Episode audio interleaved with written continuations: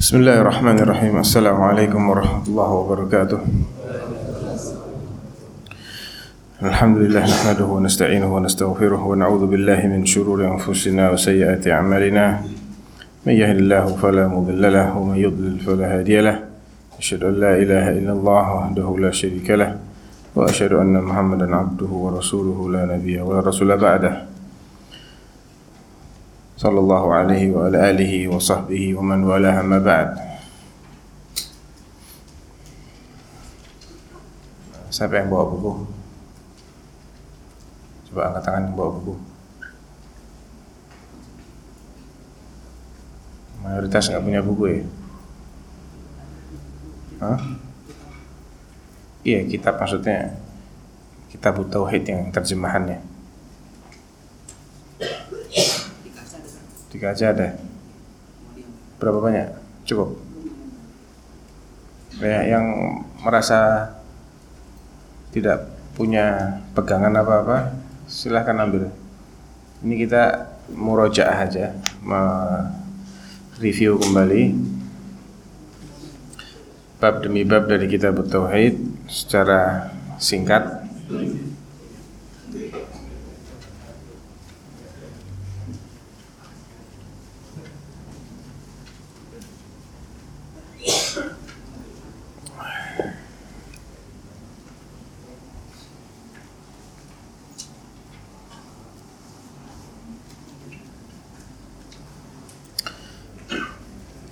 Tayyip, Anda minta ada yang membaca ya? Bergantian. Minimal satu bab satu bab. Siapa yang membaca?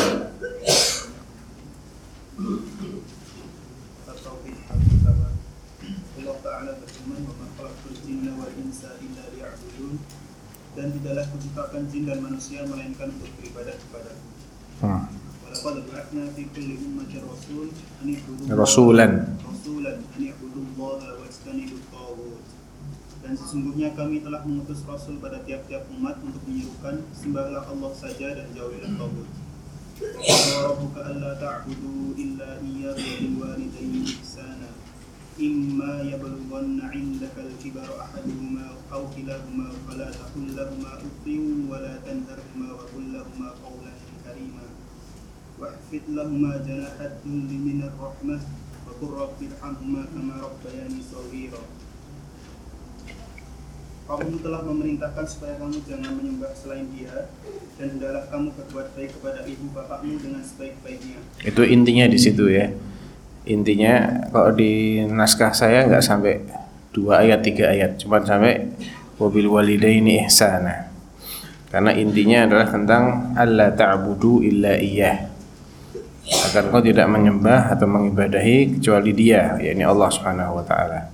Ayat berikutnya. Wa'budullaha wa la tusyriku bihi syai'a. Sembahlah Allah dan janganlah kalian menyekutukannya dengan sesuatu yang lain. hmm. Qul ta'alau atlu ma harrama rabbukum 'alaikum. Alla tusyriku bihi syai'a wa bil walidaini ihsana. Wa la taqtulu awladakum Al-ayat. Al-ayat. Al-ayat Katakanlah wahai Muhammad, marilah kubacakan kepada kalian apa yang diharamkan kepada kalian oleh Rabb kalian, yaitu janganlah kalian berbuat syirik kepadanya sedikit pun. Hmm, baik. Kemudian ini intinya eh, di sini adalah pemaparan tentang sejumlah ayat Al-Quran yang menekankan tentang urgensi daripada tauhid dan bahwasanya dia adalah perintah pada setiap rasul dan tujuan penciptaan manusia dan sebesar-besar hak yang harus dipenuhi seutama-seutama kewajiban yang harus ditunaikan yaitu adalah kewajiban ibadah kepada Allah atas dasar tauhid. Dan sebaliknya larangan terbesar adalah larangan menyekutukan Allah dalam hal ibadah. Kemudian setelah itu um, al-muallif beralih kepada hadis-hadis na'am qala Ibnu Mas'ud iya Ibnu Mas'ud radhiyallahu anhu berkata, barang siapa yang ingin melihat wasiat Muhammad sallallahu alaihi wasallam yang tertera di atas cincin stempel beliau, hendaklah membaca firman Allah taala. Nah, itu terjemahannya kurang pas ya. wasiatnya tertera di atas cincin stempel. Gimana nulis wasiat sepanjang ini atas cincin stempel? Bukan gitu. Alaiha khatamuh itu maksudnya wasiat Rasulullah eh, ibaratnya surat itu dilipat kemudian distempel jebret. Jadi eh, tidak ada perubahan sedikit pun. Ini adalah wasiat yang resmi dari Rasulullah. Karena khatam cincin itu difungsikan untuk stempel Muhammad Rasul Allah stempel jebret. Jadi bukan wasiatnya tertulis di atas cincin stempel, terjemahannya nggak pas itu, salah terjemahannya. Nanti antum koreksi sendiri. Nah, Hendaklah membaca firman Allah Ta'ala, katakanlah wahai Muhammad, marilah kubacakan kepada kalian apa yang diharamkan kepada kalian oleh Rabb kalian, yaitu janganlah kalian berbuat syirik kepadanya sedikit pun. Sampai firmannya, sesungguhnya yang kami perintahkan ini adalah jalanku yang lurus, maka ikutilah jalan tersebut. nah. lanjut. Jadi itu adalah wasiat Rasulullah Sallallahu Alaihi Wasallam yang tidak pernah dirubah-rubah oleh Rasulullah. Ini menunjukkan pentingnya tauhid dan tauhid itu hal pertama dan juga hal terakhir yang harus diperhatikan. Nah, Mu'ad. Nah, siapa ini yang bilang kuntu? Mu'ad. Ya. Kuntu radifan nabi sallallahu alaihi wasallam Radifan nabiyyi. النبي صلى الله عليه وسلم على حمار فقال لي يا معاذ أتدري ما حق الله على على العباد وما حق العباد على الله فقلت الله ورسوله أعلم قال حق الله على العباد أن أن يعبدوه ولا يشركوا به شيئا حق العباد على الله ألا يعذب من لا يشرك به شيئا فقلت يا رسول الله أفلا أبشر الناس قال لا تبشرهم فيتق في Fayat fayattakilu. فيتكلوا Terjemahannya apa? Aku pernah membonceng Nabi Shallallahu Alaihi Wasallam di atas seekor keledai. Beliau bersabda kepadaku, wahai Muad, apakah engkau tahu apa hak Allah yang wajib dipenuhi hambanya dan apa hak para hamba yang pasti dipenuhi Allah? Aku menjawab, Allah dan Rasulnya lebih tahu. Beliau bersabda, hak Allah yang wajib dipenuhi para hambanya adalah beribadah kepadanya dan tidak menyentuh menyekutukannya dengan sesuatu pun. Sedangkan hak para hamba yang pasti dipenuhi Allah adalah dia tidak akan menyiksa orang yang tidak menyekutukannya sedikit pun. Aku bertanya, Wahai Rasulullah, bolehkah aku menyampaikan kabar gembira ini kepada khalayak ramai? Nabi menjawab, Janganlah engkau sampaikan dahulu kabar gembira ini, nanti mereka hanya akan mengandalkan tauhid mereka dan tidak beramal. Uh, Mu'ad bonceng dengan Rasulullah di atas seekor keledai. Kuat ya keledainya. Ini menunjukkan boleh membonceng di atas keledai ya selagi keledai itu masih kuat untuk memikul dua orang. Eh, di sini jelas Nabi SAW menjelaskan bahwa tauhid itu adalah hak Allah terhadap hambanya. Hak Allah terhadap hambanya dan kalau hak ini dipenuhi maka Allah akan membebaskan sang, sang hamba dari siksa. Tentunya ini tidak bisa kita fahami secara parsial. Bukan ini saja Islam itu bukan cuma ini, bukan. Ini satu di antara ajaran Islam. Tentunya harus dikorelasikan dengan dalil-dalil yang lain. Karena seorang ahlu tauhid kalau dia melakukan hal-hal yang menyebabkan dia tersiksa dalam neraka, bisa saja dia tersiksa dalam neraka walaupun dia min ahli tauhid. Allah yu'adzib man la yusyriku bihi syai'a ini maksudnya manakala dia tidak melakukan faktor-faktor lain yang menyebabkan dia teradab. Ya seperti misalnya uh, melakukan dosa besar. Ya tauhidnya nggak batal, tapi kalau dia nggak bertaubat dan Allah tidak memberinya ampunan secara gratis, dia juga nggak dapat syafaat, tidak ada amal soleh lainnya yang bisa uh, menggugurkan dosa di balik dosa besarnya itu, ya dia akan terkena konsekuensinya. Jadi jangan difahami secara parsial. Makanya Nabi melarang Mu'ad untuk menyampaikan hadis ini. Nanti orang akan bersandar dengan tauhidnya dan malas beramal. Merasa sudah cukuplah saya menjadi seorang muwahhid dan dia akan bertawakal dengan tauhidnya itu. Tapi kenapa kok disampaikan dia sama Mu'ad? Kan disampaikan juga ini. Ya, ini karena larangan itu ada alasannya. Mu'ad radhiyallahu anhu memahami bahwasanya ini bukan larangan yang sifatnya mutlak dan e, permanen. Tidak akan tapi larangan ini selagi ada kekhawatiran orang akan salah faham dalam memahami hadis ini. Dan ketika itu Mu'ad baru menyampaikan menjelang dia wafat. Ketika sakit yang menjelang dia wafat baru dia sampaikan takut dosa kalau menyembunyikan ilmu. Baik. Uh, ada masailnya nggak di situ? Coba dibaca aja. Baca singkat. Kandungan bab yang pertama hikmah pencipta, penciptaan jin dan manusia. Yang kedua ibadah ibadah adalah hakikat tauhid karena permusuhan yang terjadi yakni antara Rasulullah Shallallahu Alaihi Wasallam dengan orang-orang musyrik antara masalah tauhid. Hmm. Yang ketiga, barang siapa Jadi maksudnya ibadah itu ibadah yang disebut dalam Quran maupun sunnah itu adalah ibadah atas dasar tauhid, bukan yang lain. Bukan ibadah asal-asalan, enggak. Ibadah yang dibangun atas dasar tauhid. Karena kenapa kok begitu? Karena terjadinya permusuhan antara Rasulullah dengan kaum musyrikin bukan karena mereka tidak mau beribadah secara mutlak mereka juga tawaf. Mereka juga haji. Mereka juga sedekah, menjamu tamu, memuliakan, memberikan minum. Ini bagian dari ibadah. Ya. Tapi ibadah mereka dibangun di atas syirik. Dan gara-gara ibadah mereka dibangun di atas syirik itulah Nabi musuhin mereka. Jadi ibadah yang diajarkan oleh Rasulullah hanya ibadah atas dasar tauhid.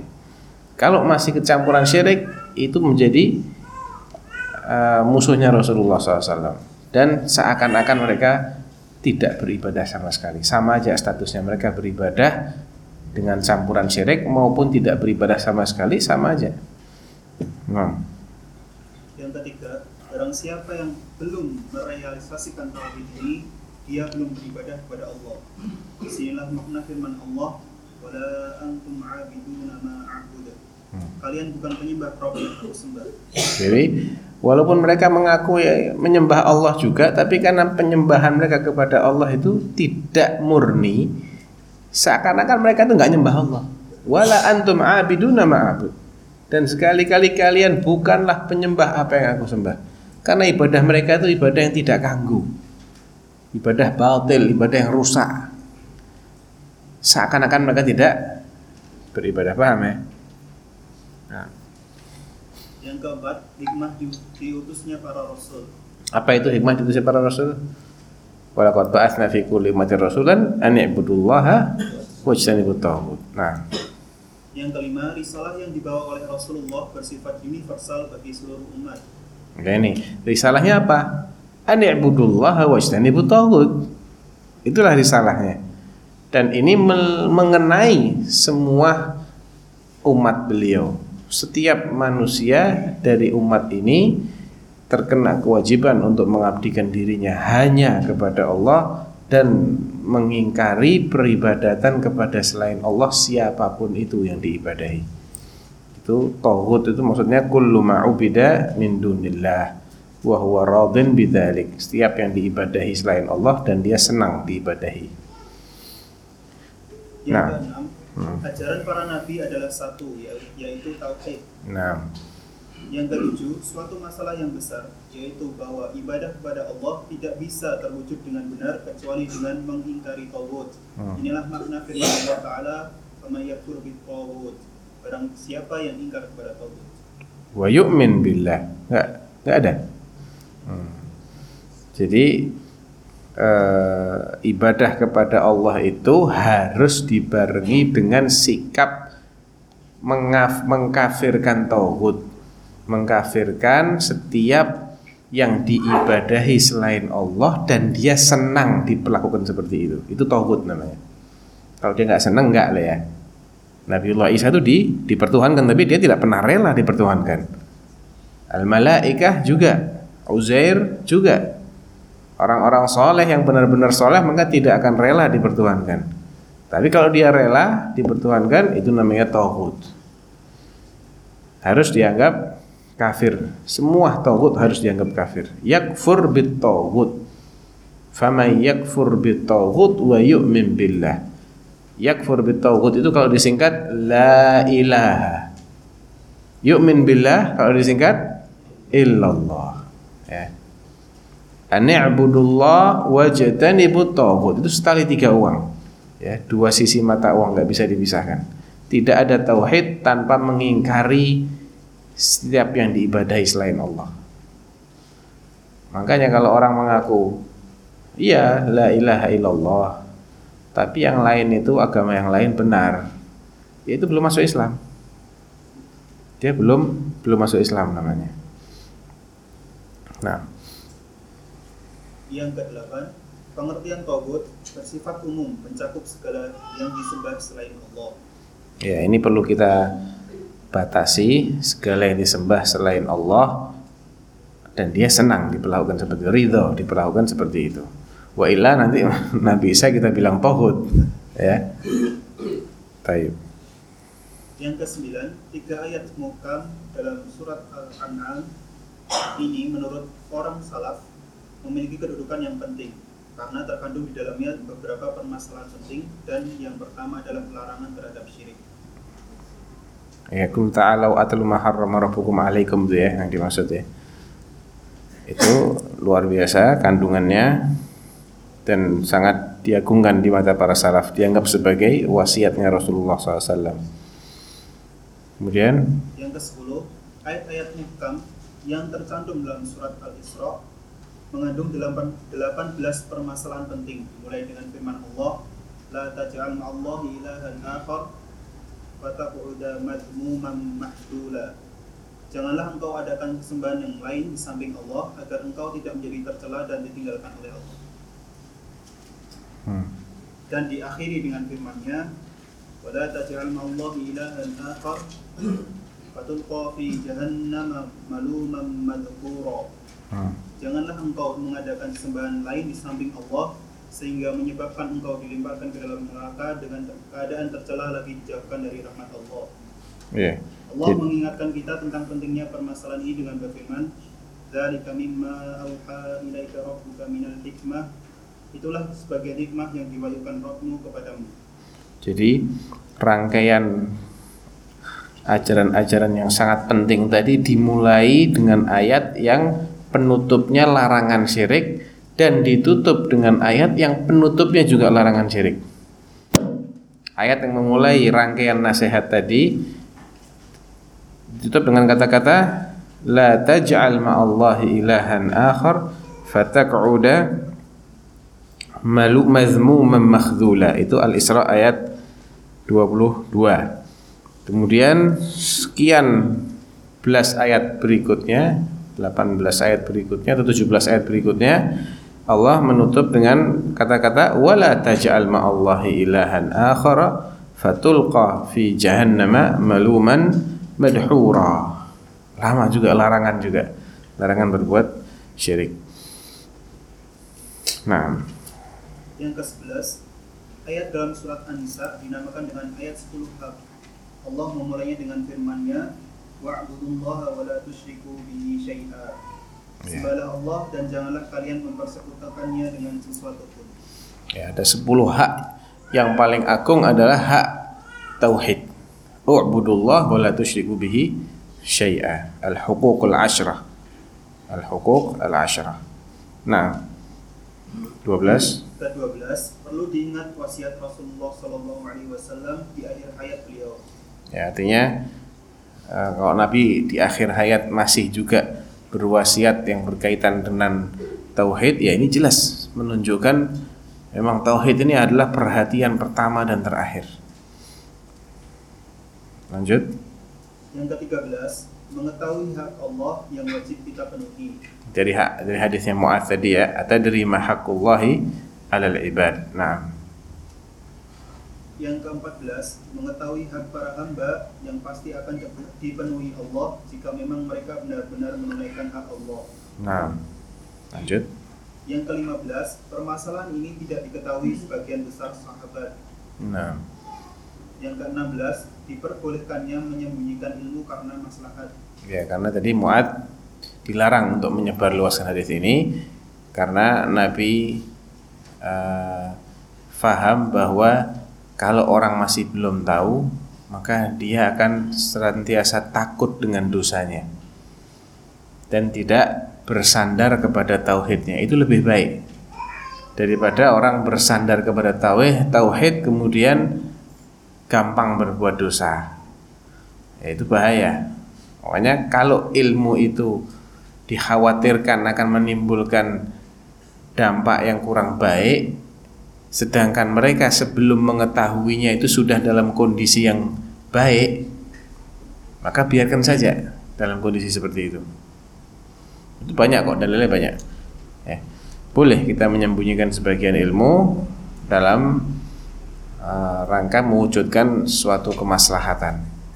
Jadi bukan semua ilmu kita sembunyikan kepada semua orang, tidak kepada orang-orang tertentu dalam kondisi tertentu. Nah, yang ke-17 dianjurkannya menyampaikan kabar kepada sesama muslim yang bisa membuat hatinya senang. Dianjurkannya menyampaikan kabar kepada sesama muslim dari mana nih ya kok bisa disimpulkan begini? Ada yang bisa menjelaskan?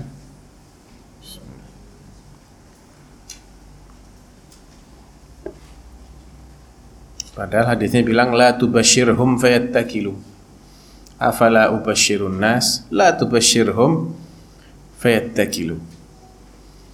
Dari mana kok bisa disimpulkan justru ha? Ibnu Mas'ud apa Mu'ad?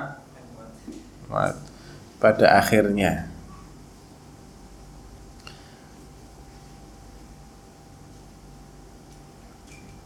Karena sebetulnya Nabi tidak mengingkari niat Mu'ad untuk menyampaikan hadis ini sebagai kabar gembira. Ya, rencana itu tidak diingkari oleh Nabi. Yang diingkari oleh Nabi adalah efeknya. Efek dari kabar gembira ini. Kabar gembiranya kabar gembira memang. Itu menggembirakan. Tapi dikhawatirkan justru karena itu menggembirakan, nanti orang terlena dengan euforianya.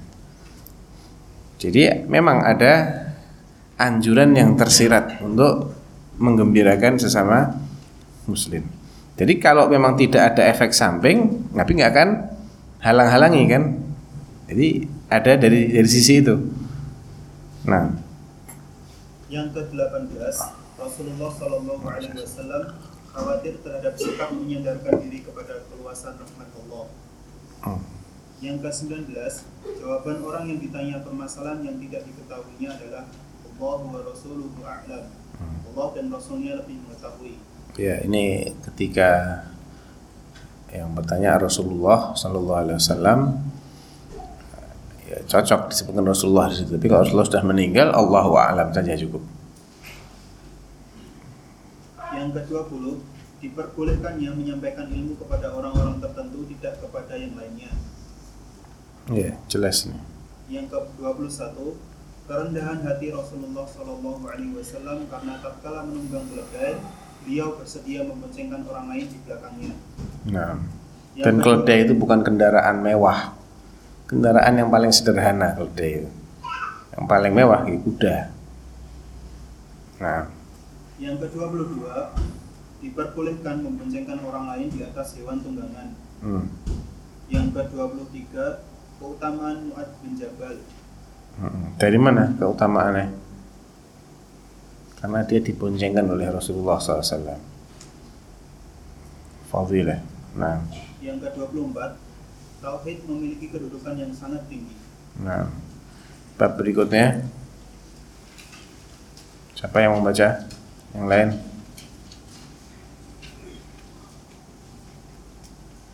Sebelahnya. Hah? Diboncengkan? Membonceng. Nah, jadi rodif itu mereduf Nabi di depan Mu'ad di belakang. Terjemahannya apa? Di sini eh, muat yang ya benar. Bonceng Nabi benar. Kalau di sini muat yang kalau di sini dibonceng muat dibonceng Nabi. iya betul Di sini muat membonceng Nabi. Dibonceng Nabi membonceng Nabi sama. Yang di depan Nabi itu loh maksudnya. Antum pahamnya gimana? ya, bonceng dibonceng sama aja. Taib. Ikra Bab yang kedua. Antum baca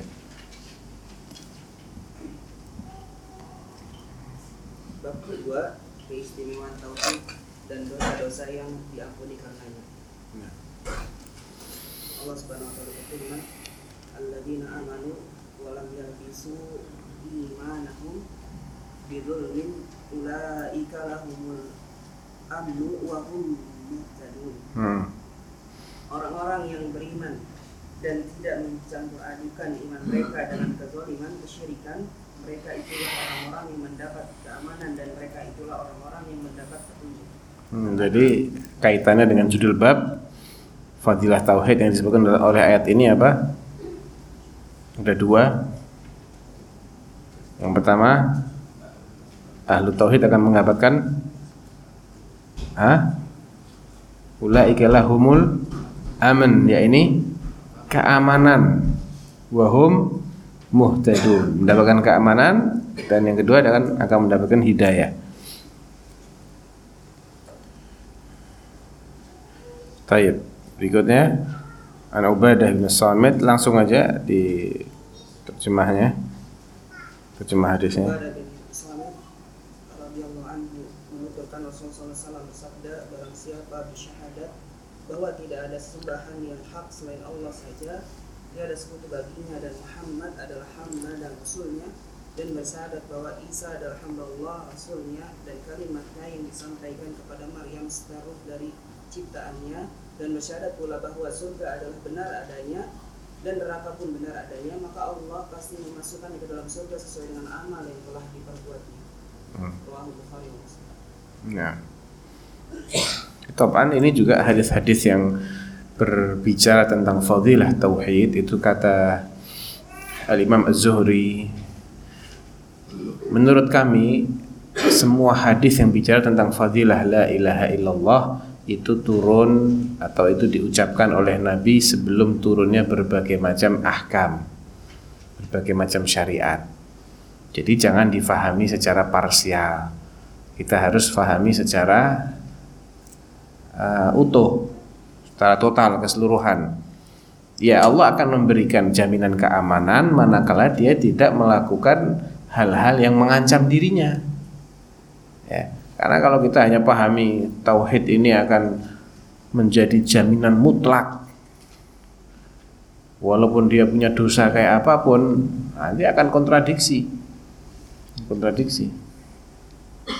Bahkan Al-Imam Ibnu Khuzaimah dalam kitab beliau Kitab Tauhid setelah menyebutkan sejumlah banyak hadis tentang mangkola la ilaha illallah khalisan min qalbi dakhalal jannah atau yang semisalnya apa kata beliau? Hada wa innama arada an-nabiy sallallahu alaihi wasallam man qala la ilaha illallah dakhalal jannah aw hurrima 'alan nar bayanu fadilah hadzal qaul la annahu jami'ul islam kaman yadda'i hadha man la yafhamu al-ilm wa yu'anid wa la yatalaqqa hadhihi as-sina'ata min ahliha.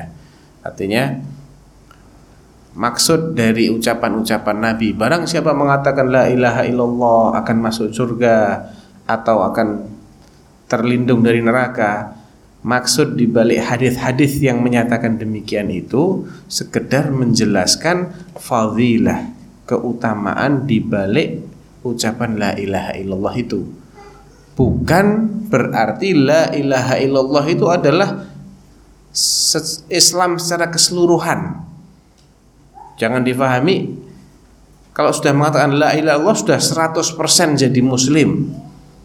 Sudah melaksanakan 100% ajaran Islam, bukan begitu. Ya. Jangan sampai kita memahami seperti pemahaman orang-orang yang tidak uh, kaman yadda'il ilma orang-orang yang sok tahu wa yu'anid ngeyel wala yata'allam hadhihi sina'ata min ahliha dan tidak mempelajari ilmu tauhid ini dari ahlinya.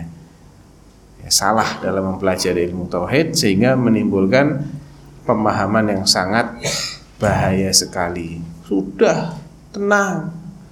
Kalau sudah mengucap la ilaha illallah, sudah tidak usah lagi kita perlu merisaukan dosa-dosa yang lain. Tidak perlu lagi menghindari syirik bahkan dan itu kenyataan. Kenyataan. Banyak sekali orang yang melantunkan la ilaha illallah tapi tidak faham apa maksudnya la ilaha illallah. Sehingga di saat yang bersamaan mereka melakukan hal-hal yang membatalkan la ilaha illallah. Nah, jadi pokoknya kalau antum mendapatkan hadis seperti itu tetap itu ada fadilahnya namun jangan terpaku hanya dengan satu hadis. Nabi itu menyampaikan banyak hadis dan semuanya hak. La ta'khud bi ba'dil haq wa tatrukul ba'd. Jangan cuma ngambil satu comot. Yang ini juga benar, yang lain-lain ini benar. Hadisnya Nabi juga, wahyu juga. Ya, pahami secara utuh. Nabi bilang begini juga bilang begini, berarti ya ini syarat. Asalkan tidak ada yang menghalangi, Allah akan berikan janjinya. Tapi kalau syarat dipenuhi, penghalang juga dia lakoni, ya mental. Ya. Nah, lanjut. Sudah isya ya, cepat ya. Udah isya. Baik. Saya kepengennya baca cepat, cuman khawatir kalau dibaca cepat nanti ada hal-hal yang tidak paham karena juga banyak yang baru di sini. Yang sudah ngaji pun sudah empat tahun yang lalu sudah pada lupa ya. Fadil.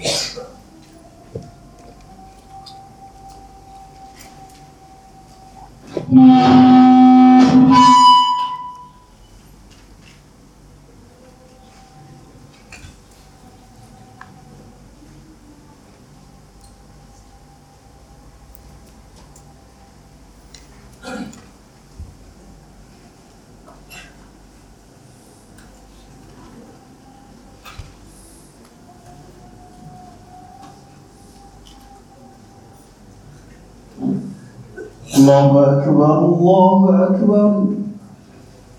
الله أكبر الله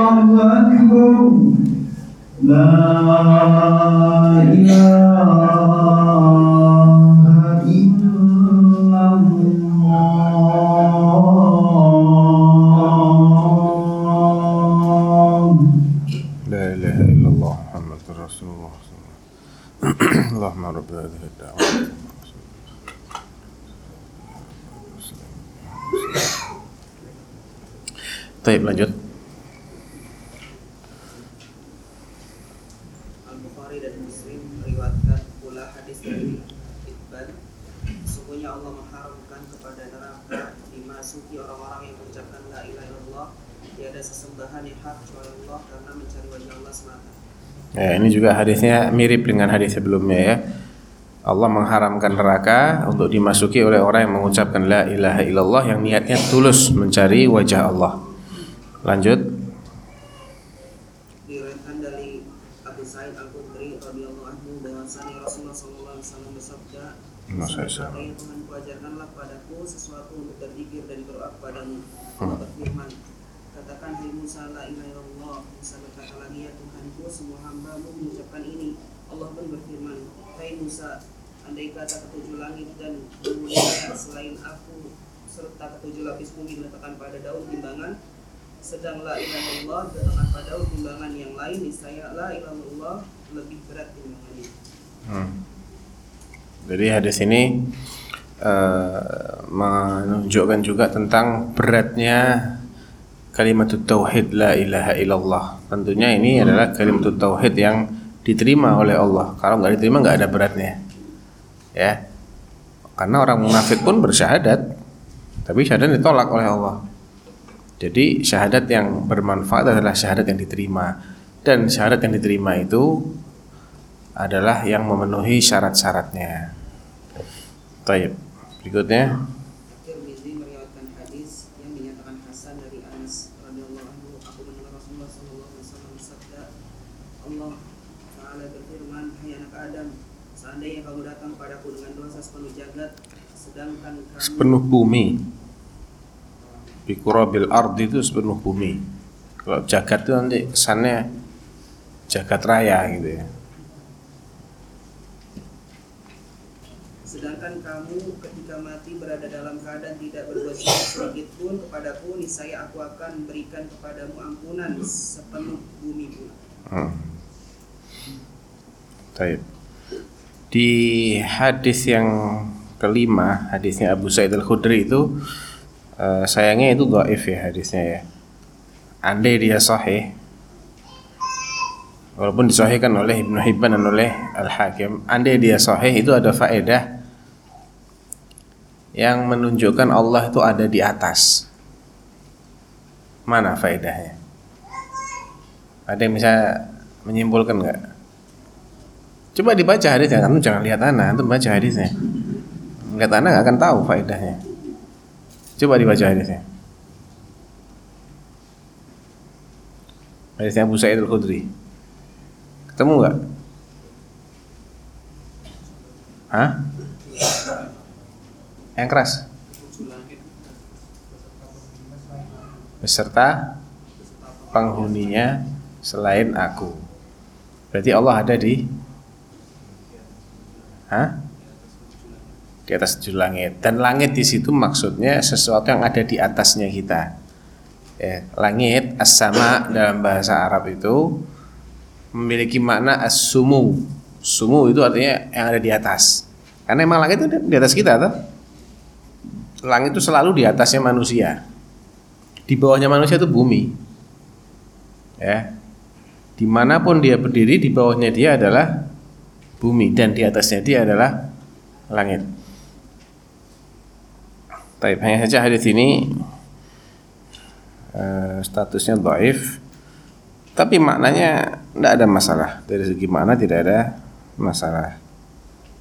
Nah, tapi masailnya yang pertama, Fadal. Yang pertama, kandungan bab luasnya karena Allah. Hmm. Yang kedua, banyaknya pahala tauhid di sisi Allah. Hmm. Yang ketiga, selain itu tauhid menghapuskan dosa-dosa. Iya. Yang keempat, tafsir ayat dalam surat Al-An'am. Nah, menghapuskan dosa-dosa itu tidak semua dosa ya, sebagian dosa. Dosa sama manusia nggak bisa dihapuskan dengan tauhid. Nah, Perhat yang kelima, perhatikan kelima masalah yang tersebut dalam hadis ibadah. Yang keenam, apabila Anda mempertemukan antara hadis ibadah, hadis itban dan hadis sesudahnya akan jelas bagi Anda pengertian kalimat la ilaha illallah dan akan jelas bagi Anda kesalahan orang-orang yang tersesat karena hawa nafsunya. Hmm. Ya itu harus di direnungi lagi. Yang ketujuh, perlu diingat persyaratan yang dinyatakan di dalam hadis Ibn, yaitu ikhlas mata-mata karena Allah dan tidak mempersekutukannya.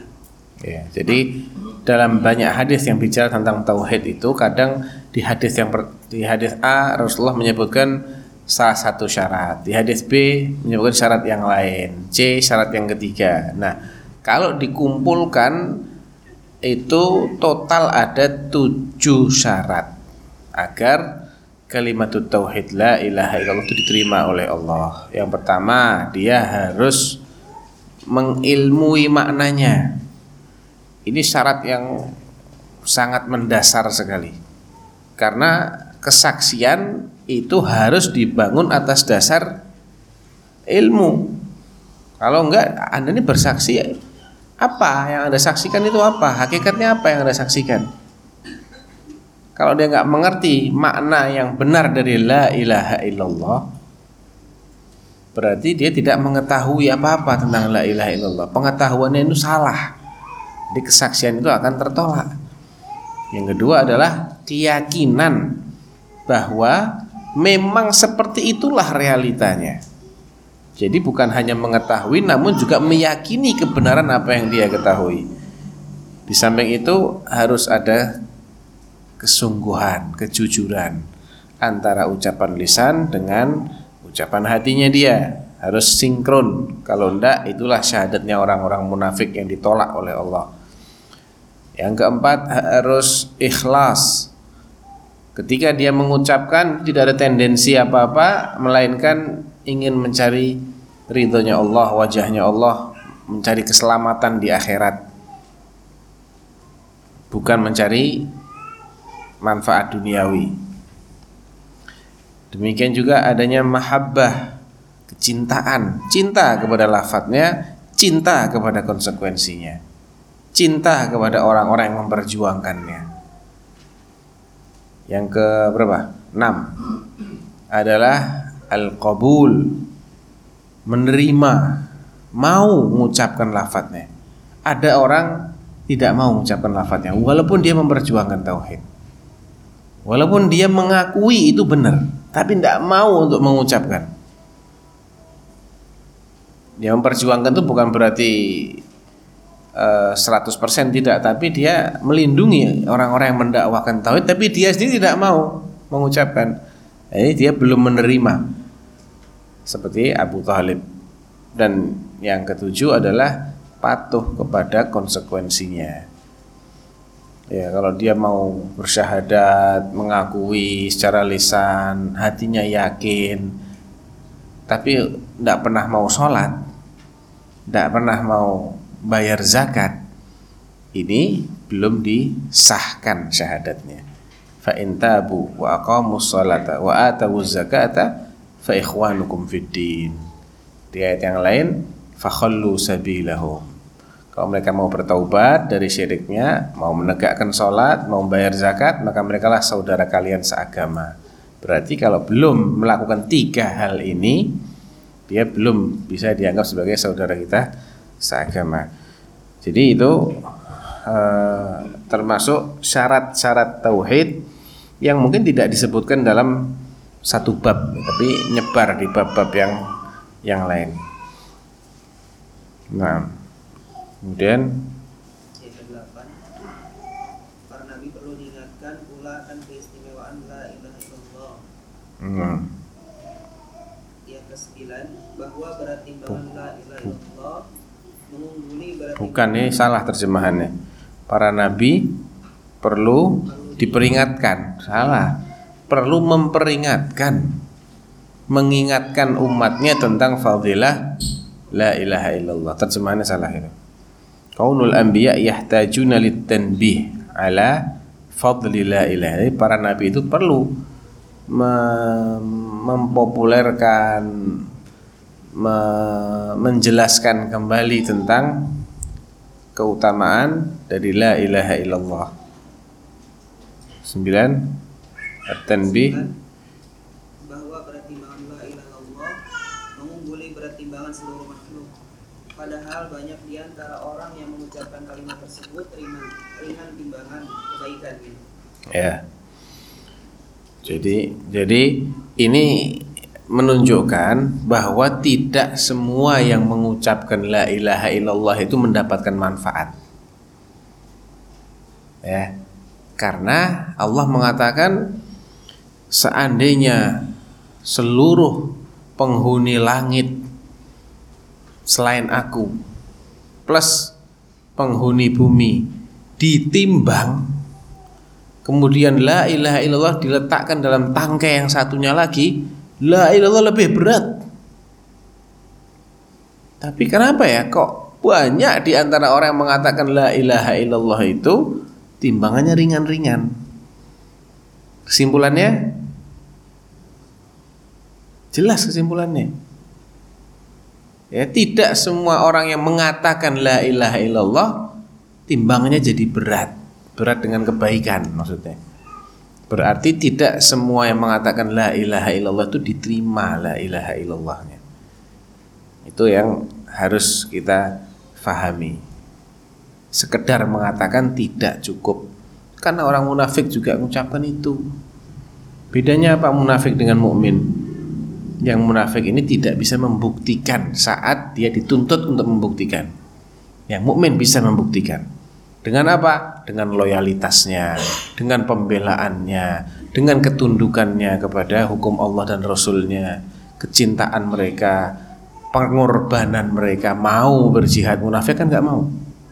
Munafik kan memperolok, ya. E, dalam hati mereka mengingkari. Ini yang menjadikan syahadat mereka itu sia-sia. Nah,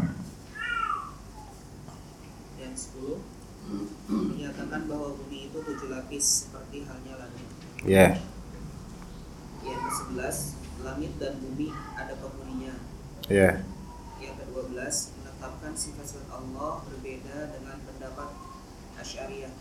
Sifat Allah apa yang ditetapkan di sini? Ya, semua yang disebutkan dalam hadis-hadis itu yang mengandung sifat Allah seperti apa misalnya? Ada istiwa nggak di situ?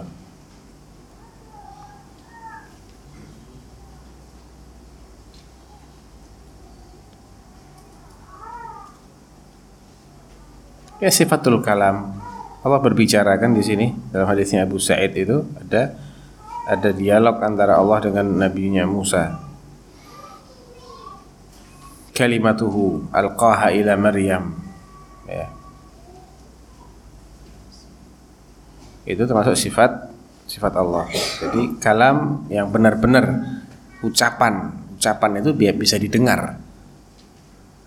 Ada suara yang bisa didengar dan karena Allah mengucapkannya dalam bahasa Arab ya, maka berarti tersusun dari huruf-huruf.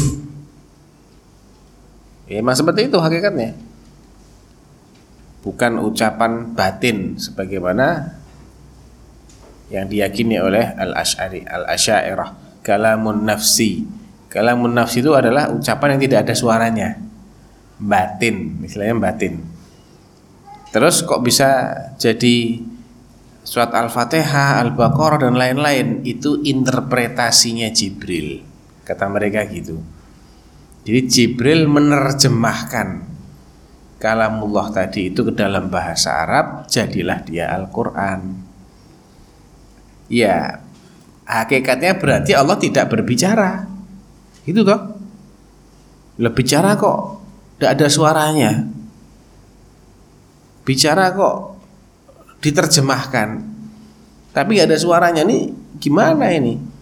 Padahal tidak semua yang disampaikan oleh Jibril itu boleh. Kalau memang itu adalah sesuatu yang diinterpretasikan oleh Jibril masa Jibril mengatakan innani anallahu la ilaha illa ana fa'budni wa aqimis salata li dzikri. Itu kalamnya Allah apa kalamnya Jibril itu?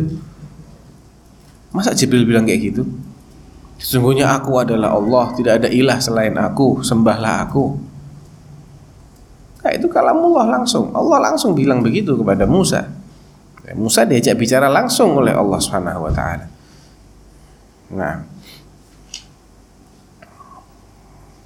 13 Apabila Anda memahami hadis Anas radhiyallahu anhu, Anda akan tahu bahwa sabda Rasulullah sallallahu alaihi wasallam dalam hadis Iqbal maksudnya ialah dengan tidak melakukan perbuatan syirik sedikit, pun bukan sekedar mengucapkan kalimat tauhid dengan lisan saja Ya, jadi lau ataitani bi qurabil ardi khataya thumma laqitani la tusyriku bi syai'a.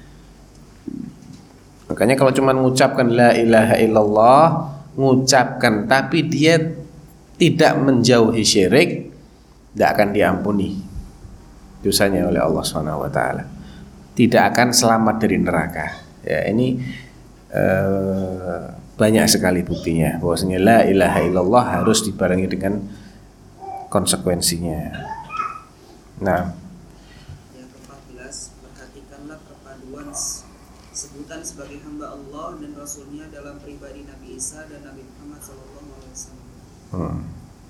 Yang ke-15 mengetahui keistimewaan Nabi Isa sebagai kalimat Allah. kalimatullah itu maksudnya apa? Dia tercipta dari kalimatullah kun. Walaupun semua orang juga tercipta dari itu, hanya saja tidak melalui proses pernikahan orang tuanya menikah hendak. Dia diciptakan langsung tiba-tiba ibunya hamil mengandung dia. Padahal tidak kenal dengan tidak pernah menjalin hubungan dengan laki-laki mana pun.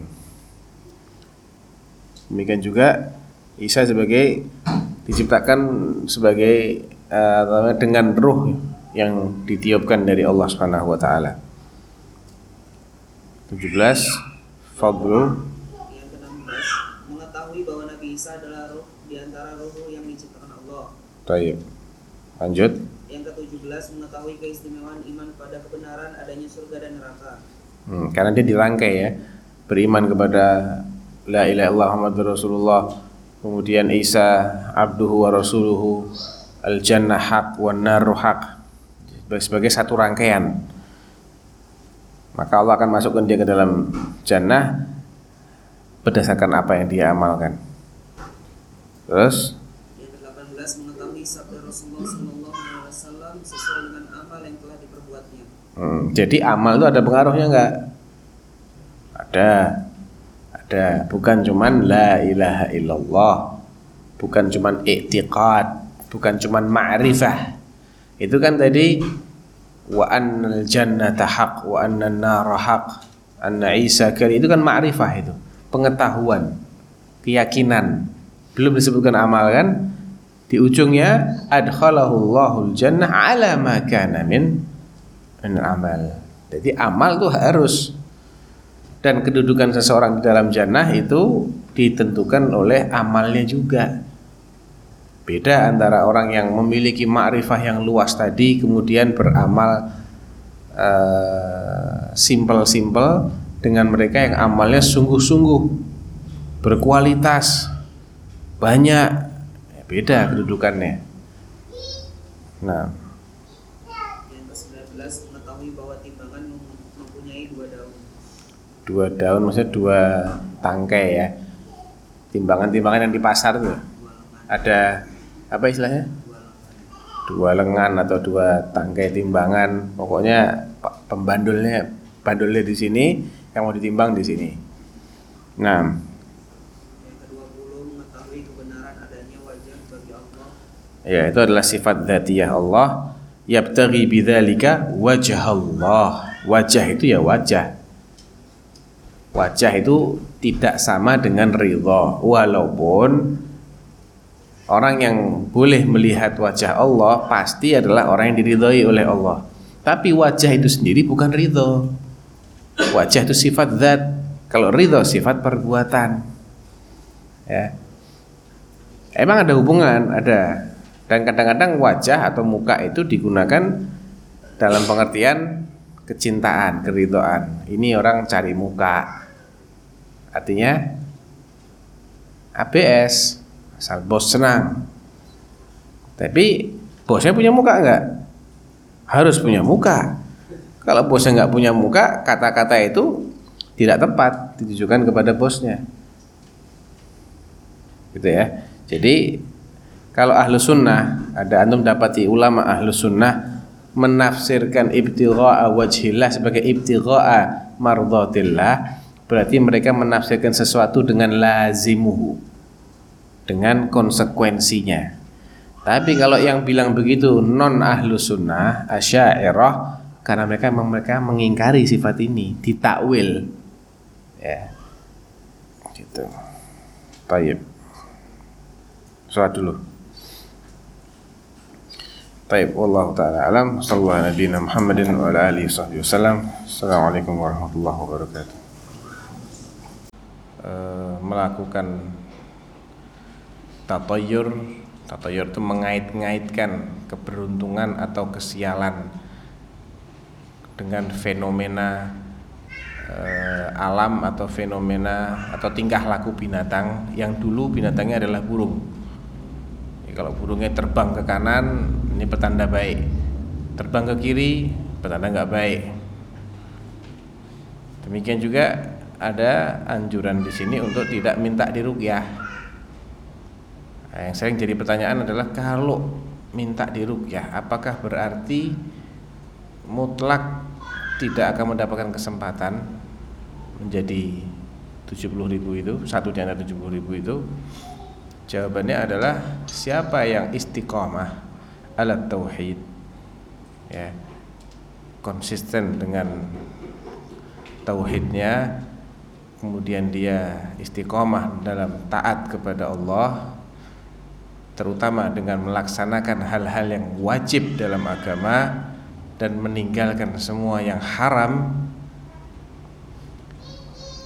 Apalagi kalau ditambah dengan melaksanakan yang sunnah-sunnah dan menjauhi yang makruh-makruh maka orang seperti ini ketika dia membutuhkan untuk minta dirukyah ya dan memang e, rukyah itulah pengobatan yang paling efektif untuk dia misalnya. Yang lain-lain tidak ngefek tinggal rukyah. Dia mencari orang yang bisa merukyah. Dia lalu minta dirukyah maka tidak akan menghalangi dia untuk masuk ke dalam 70 ribu. Karena maksud dari ini adalah sebagaimana disebutkan di akhir hadis wa ala rabbihim yatawakkalun selagi dia masih tetap orang yang tawakalnya kepada Allah bukan kepada orang yang merukyah dia maka tidak tidak akan menghalangi dirinya untuk masuk ke dalam 70 ribu orang yang masuk jannah tanpa hisab dan tanpa adab.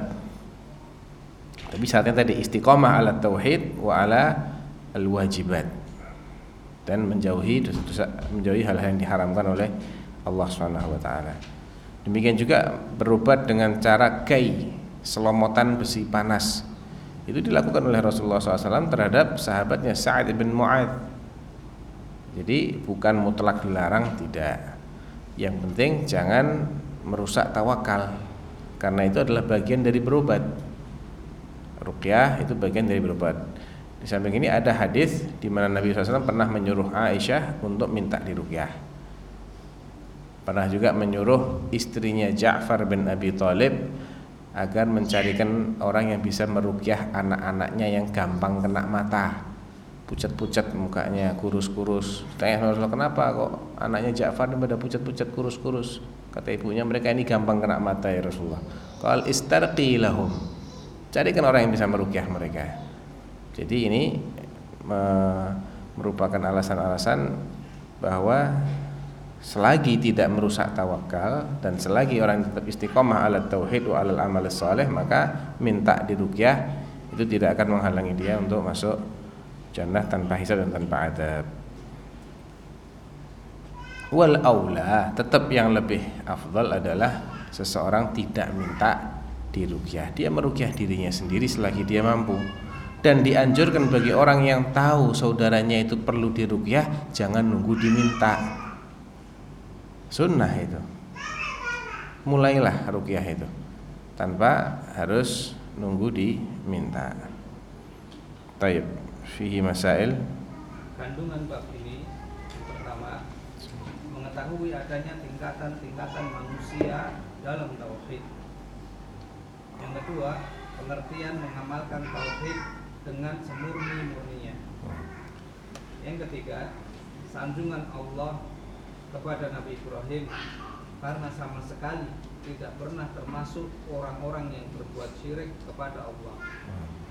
Yang keempat, sanjungan Allah kepada para wali, yakni sahabat Rasulullah karena bersihnya diri mereka dari perbuatan syirik. Yang kelima, tidak meminta rupiah, tidak meminta supaya lukanya ditempel dengan besi yang dipanaskan dan tidak melakukan tatoyur adalah termasuk pengamalan tauhid yang murni. Yang keenam, bahwa tawakal kepada Allah adalah sifat yang mendasari sikap tersebut. Yang ketujuh, dalamnya ilmu para sahabat karena mereka mengetahui bahwa orang-orang yang dinyatakan dalam hadis tersebut tidak dapat mencapai tidak dapat mencapai derajat dan kedudukan yang demikian itu kecuali dengan amal. Ya. 8. Gairah dan semangat para sahabat untuk berlomba-lomba dalam mengerjakan amal kebaikan. 9. Keistimewaan umat Islam dengan kuantitas dan kualitas. 10. Keutamaan Jadi kuantitas karena besar jumlahnya. Kualitas karena ada di antara mereka yang masuk jannah tanpa hisab, tanpa adab dan jumlahnya 70 ribu. Ini menunjukkan umat kita ini umat yang berkualitas dibandingkan umat-umat lain. Nah,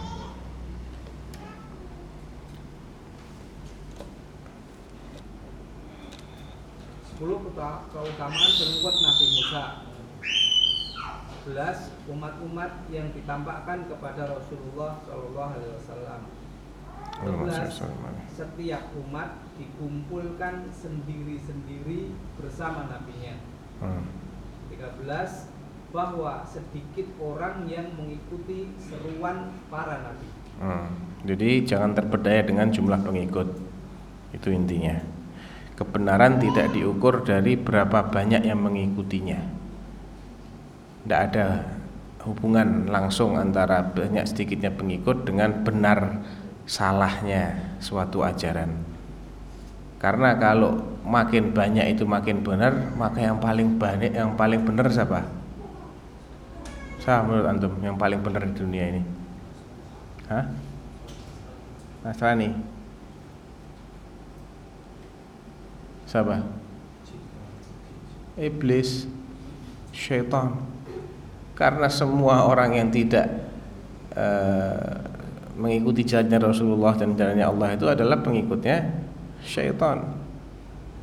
Walaudillannahum dan aku pasti akan menyesatkan mereka. Nah, terus 14 hmm. nabi yang tidak mempunyai pengikut datang sendirian pada hari kiamat Hmm, dan dia tetap nabi bukan karena sendirian terus eh, copot jabatannya enggak tetap dia nabi. Tetap dia yang benar.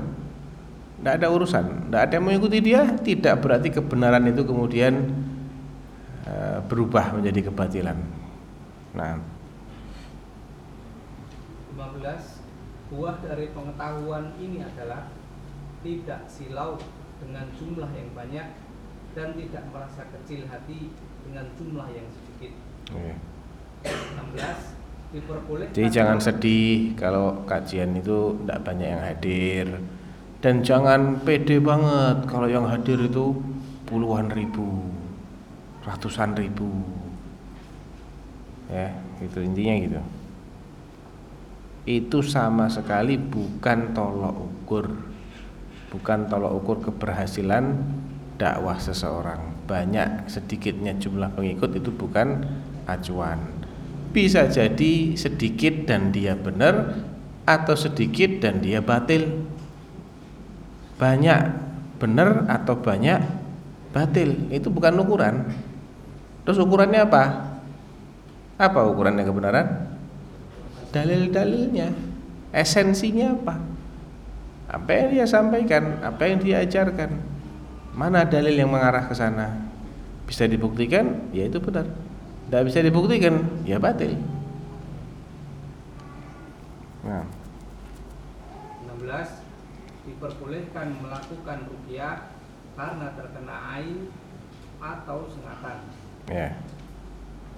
17 dalamnya pengetahuan kaum salaf dapat dipahami dari kata-kata Said bin Jubair sungguh telah berbuat baik orang yang mengamalkan apa yang telah didengarnya jadi dia dengar uh, rukyah itu efektif untuk ain untuk sengatan binatang berbisa.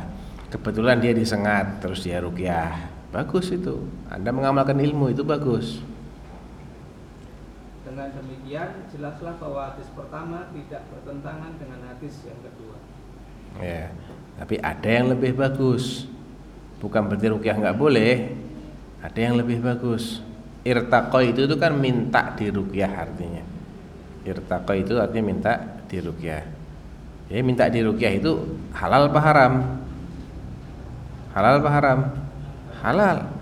Ya nggak bertentangan dengan hadis yang 70 ribu tidak. Itu lebih baik.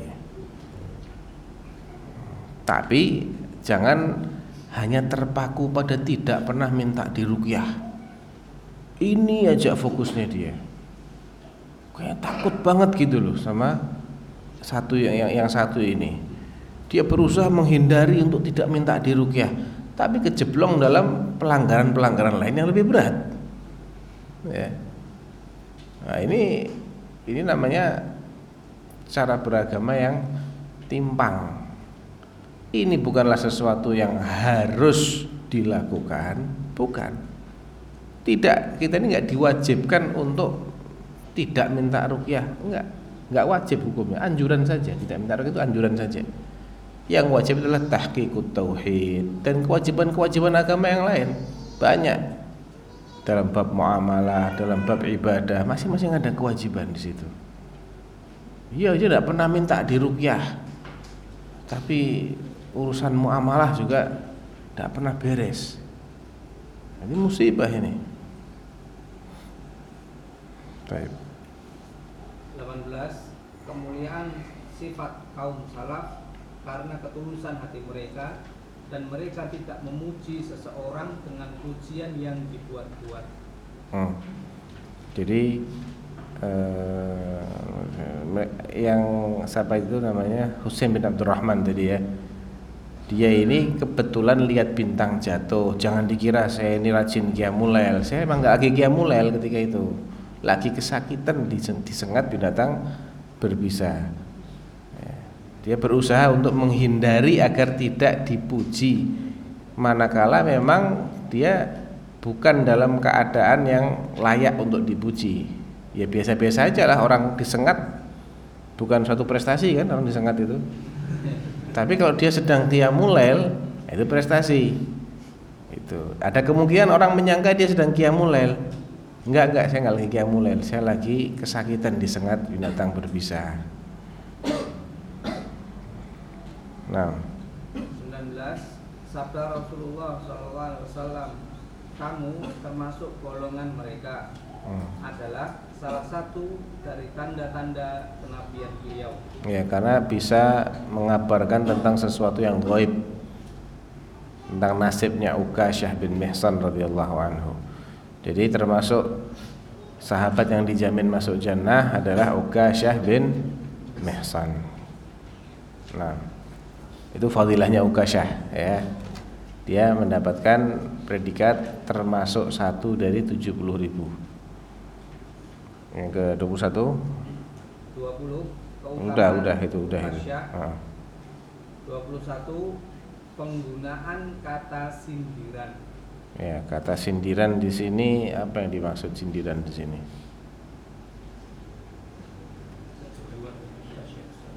Ah, itu apakah itu kayaknya kaitannya dengan berikutnya ya?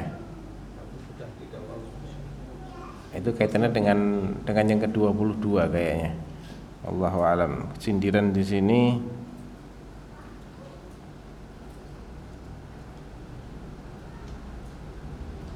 bisa jadi ya, bisa jadi itu. Ada footnote-nya? Baik. Jadi eh, kau sudah didahului, tidak mengatakan kau tidak termasuk. Enggak. Kau sudah didahului. Ini maksudnya yang lain-lain juga jangan kemudian semua pada minta. Gitu. Ya Rasulullah saya dong, ya kamu, ya kamu enggak habis-habis nanti. Udah keduluan sudah. Jadi Rasulullah menutup pintu untuk minta didoakan bagi yang lain-lain. Tapi tidak berarti kesempatan itu tertutup untuk mereka. Ya. Kalau dibilang lasta minhum, wah sudah, engkau tidak termasuk, langsung dia hilang harapannya. Enggak, kau keduluan sama dia. Keduluan untuk minta didoakan. Karena ini juga mungkin ada faedah ya. Ketika ada orang minta didoakan, tidak wajib didoakan. Bagaimana menurut antum? Ya Rasulullah doakan saya, kamu udah keduluan. Ya, tidak tidak wajib. Bahkan Ukasyah pun Rasulullah nggak doakan dia. Doakan enggak Rasulullah? Cuman memberikan informasi kau termasuk. Kalau mendoakan tuh Allahumma ja'al Ukasyah bin Mihsan minhum. Itu mendoakan namanya. Tapi ketika diminta untuk mendoakan agar termasuk ke 70 ribu Nabi cuma mengatakan engkau termasuk di sini beliau tidak tidak menjawab sesuai permintaan Allahu a'lam Baik. Ini yang yang keempat dibaca cepat aja ya. Babul khauf minasyirk. Siapa yang membaca? Hah? Yang pandai membaca siapa?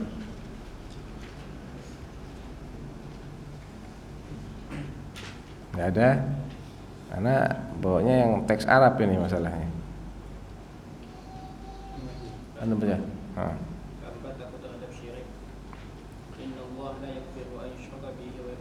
Duna dzalika liman yasha.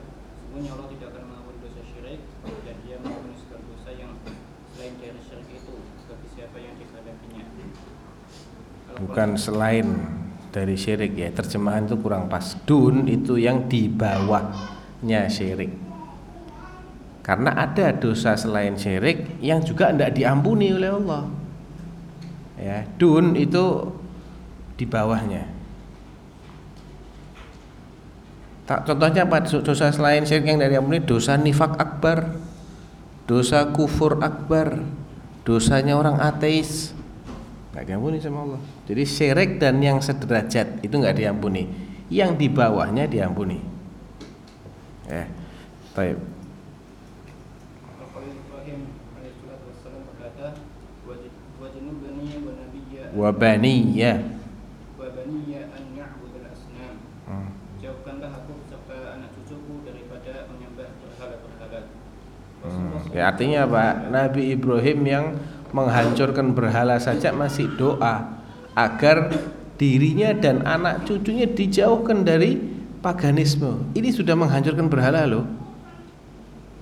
Lah bagaimana dengan orang yang belum sampai ke tingkat itu kok tidak pernah khawatir terjerumus dalam syirik? Mentang-mentang sudah ngaji kitab tauhid hatam di Atin, belum apa-apa. Ya. Jangan sampai seseorang itu merasa aman dari e, terjerumus ke dalam perbuatan syirik sehingga dia harus lebih takut daripada Nabiullah Ibrahim. Nah, Rasulullah SAW bersabda, perkara yang paling aku takutkan akan menimpa kalian dari jarak syirik kecil.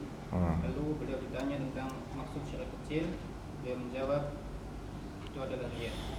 nah. Jadi Nabi takut enggak sama syirik? Takut. Eh.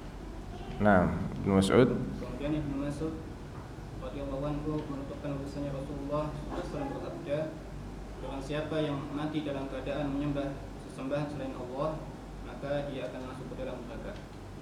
hmm.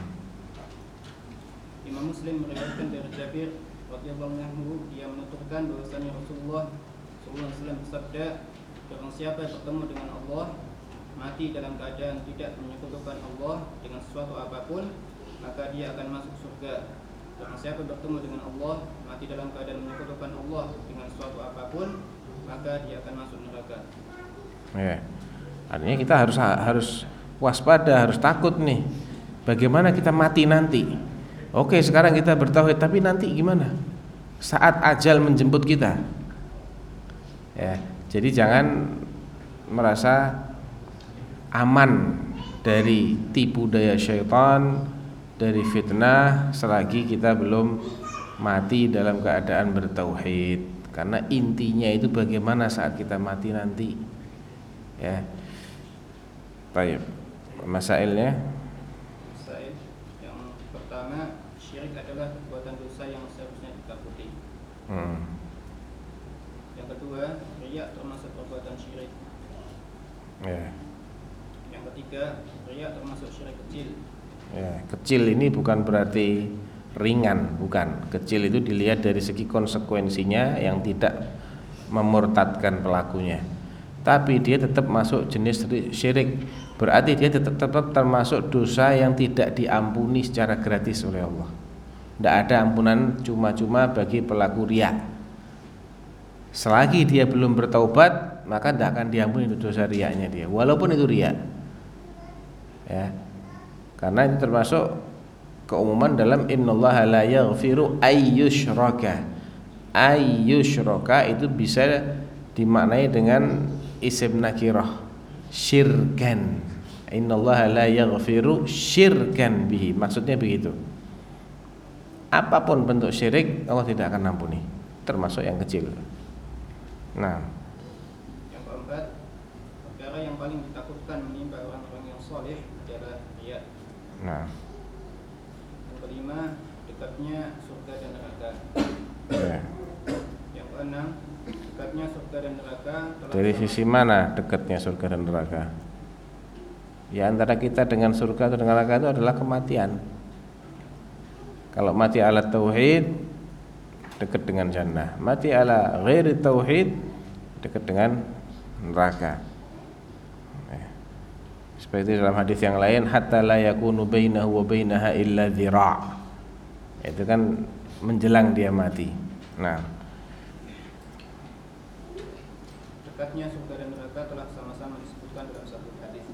Yang Ya. ketujuh, barang siapa meninggal dalam keadaan tidak menyekutukan Allah, maka dia akan masuk surga. Barang siapa yang meninggal dalam keadaan menyekutukan Allah, maka dia akan masuk neraka. Kok di sini nggak kayak gitu ya?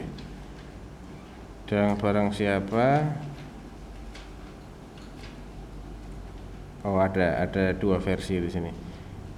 Jadi barang siapa mati dalam keadaan menyekutukan Allah, dia akan masuk neraka walaupun dia orang yang paling kencang ibadahnya. Tapi bagaimana saat dia mati? Mati ala syirk ibadahnya semua ini tidak ada manfaatnya buat dia. Tidak kenceng ibadahnya, tapi mati ala tauhid dia akan mendapatkan manfaat. ada harapan untuk suatu saat dia masuk surga dan keluar dari neraka. Tapi kalau mat matinya ala syirk, khalas. Dakhalan. Ini kalau sudah kayak gini bisa disepelekan atau harus serius nih belajar tauhid. Perlu ditakuti nggak syirik ini? Atau kita santai-santai aja? Nah, makanya judul bab itu ada kaitan erat dengan kandungannya di sini. Berikutnya Yang kedelapan, suatu masalah yang penting yaitu Nabi Ibrahim al-Khalil memohon kepada Allah untuk diri dan anak cucunya agar dijauhkan dari perbuatan menyembah berhala. Nah, Yang kesembilan, Nabi Ibrahim mengambil pelajaran dari kondisi sebagian besar manusia. Hal ini dipetik dari firman Allah, Nas. Wahai Rabbu, sungguhnya berhala-berhala itu telah menyesatkan kebanyakan manusia. hmm. Taib. 10 10 Yang ke-10 Bab ini menguraikan penafsiran kalimat La ilaha illallah sebagaimana dijelaskan dalam eh, sebagaimana dijelaskan oleh Imam. 11 Yang ke-11 keutamaan orang yang bersih dari perbuatan syirik. Nah, tapi mungkin kita cukupkan dulu murojaahnya 4 bab. Yes, sembari menunggu eh, pertemuan berikutnya antum baca-baca ya kira-kira bab apa yang masih kurang jelas itu supaya murojaah ini lebih efektif. Ya, antum baca dulu, nanti dibaca lagi dengan sedikit taklik-taklik itu antum akan lebih mendapatkan manfaat daripada kita hanya baca sekali dan tidak ada eh, perkenalan terlebih dahulu sebelum murojaah ini. Ya. Wallahu taala alam. Sallallahu ala nabiyyina Muhammadin wa ala alihi wa sahbihi wasallam. Assalamualaikum warahmatullahi wabarakatuh.